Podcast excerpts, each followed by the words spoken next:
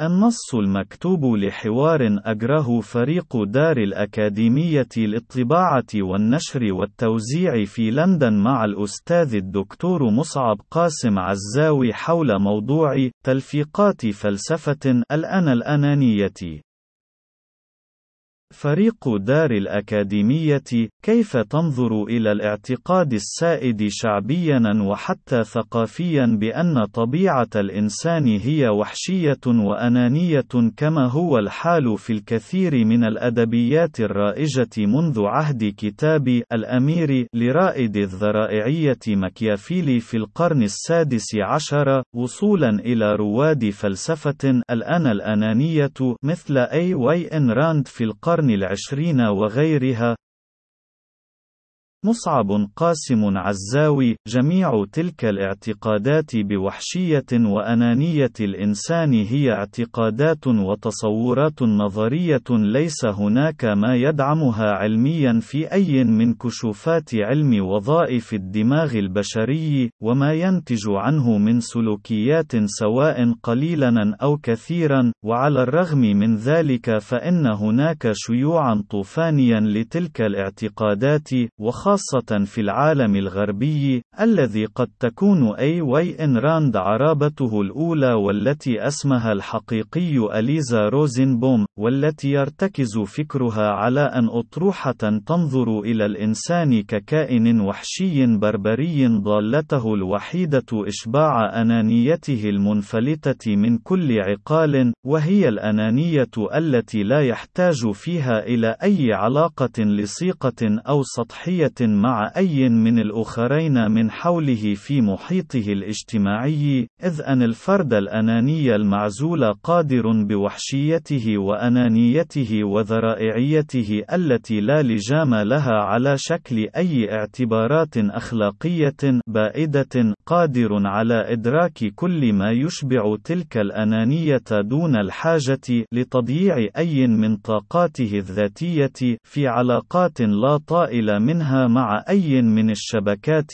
المنقرضة التي اعتاد البشر قبل تحضرهم الرأسمالي الانخراط فيها سواء كان ذلك أسرة أو تنظيما للمجتمع المدني على شكل نقابة أو جمعية أو حتى المجتمع بأسره بعد أن تحول ذلك الأخير وفق مفاعيل التحضر الرأسمالي إلى غابة وحشية لا بقاء فيها إلا للأكثر أكثر بأسًا وفتكًا، وأقل تعلقًا بالقيم البالية من قبيل ما كان يدعى في سالف الأيام النواظم الأخلاقية لبني البشر.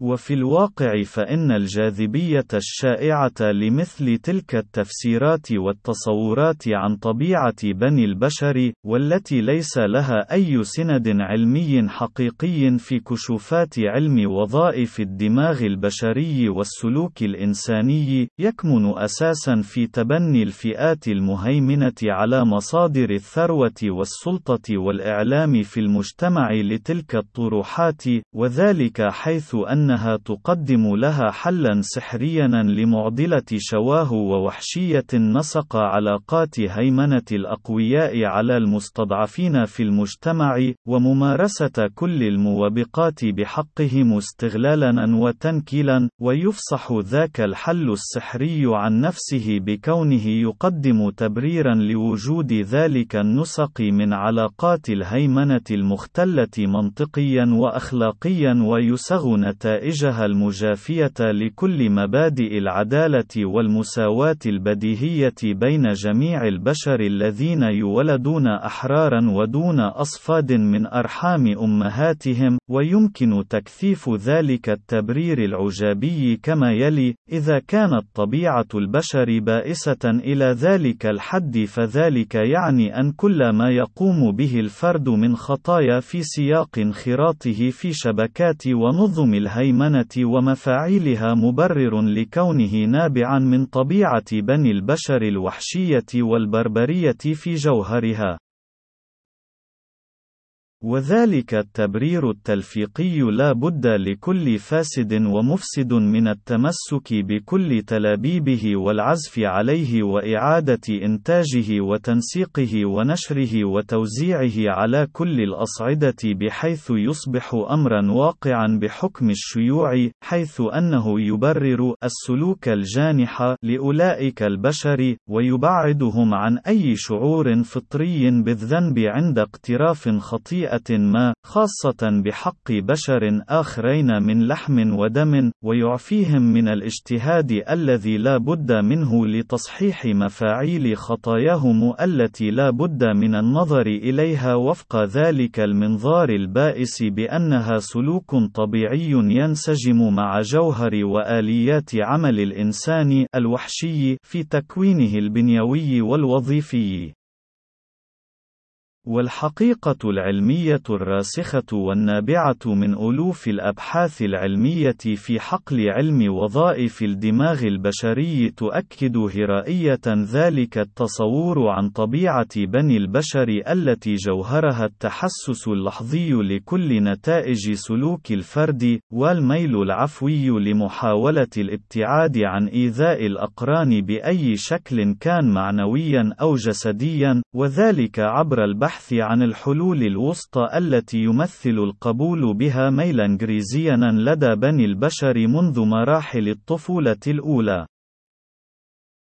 والحقيقة الراسخة أن ميول بني البشر الأساسية الفطرية تتمحور حول الميل للتعاون والتأزر المعنوي والجسدي، وإغاثة الملهوف والترفق بالضعفاء، والعناية بالمريض، وإطعام الجائع، والتحسس لألام الآخرين كما لو أنها آلام الشخص نفسه، وهي السمات التي لولا تحلي بني البشر بها لكان مصيرهم الانقراض الانقراض من مملكة الحيوانات، إذ أنها كانت الدرع الوحيد الذي عاوض به البشر نواقصهم البيولوجية في رحلتهم التطورية الطويلة التي امتدت على سبعة ملايين من السنين، ظلوا فيها من أكثر الحيوانات ضعفًا من الناحية البنيوية، وهم الكائنات البيولوجية التي ليس لها فرون يحميها عسف العصور الجليدية السابقة السالفة، ولا أنياب ينازلون بها الكواسر والضواري، وهو ما أدى بقوة الاصطفاء الطبيعي لبقاء بني البشر الذين تحلوا بما قد يسمى العقل والوعي الجمعيين، الذي تتحول فيه المجموعة البشرية والعقل الجمعي للمنتسبين إليها إلى الدرع الحامي لكل فرد فيها، والذي بدوره يرى بشكل عضو مبتنى في عمق دارات قرارات دماغه بأن مصلحة وسلامة الأفراد الآخرين في تلك المجموعة مدخل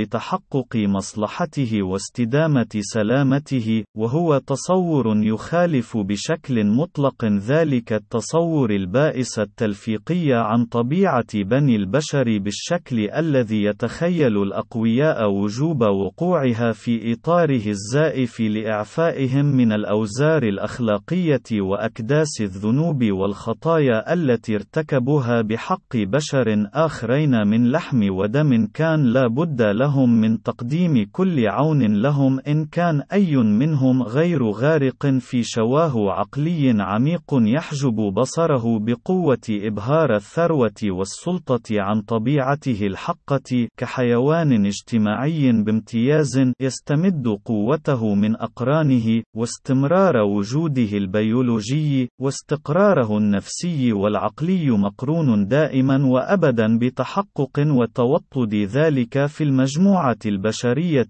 التي ينتسب إليها.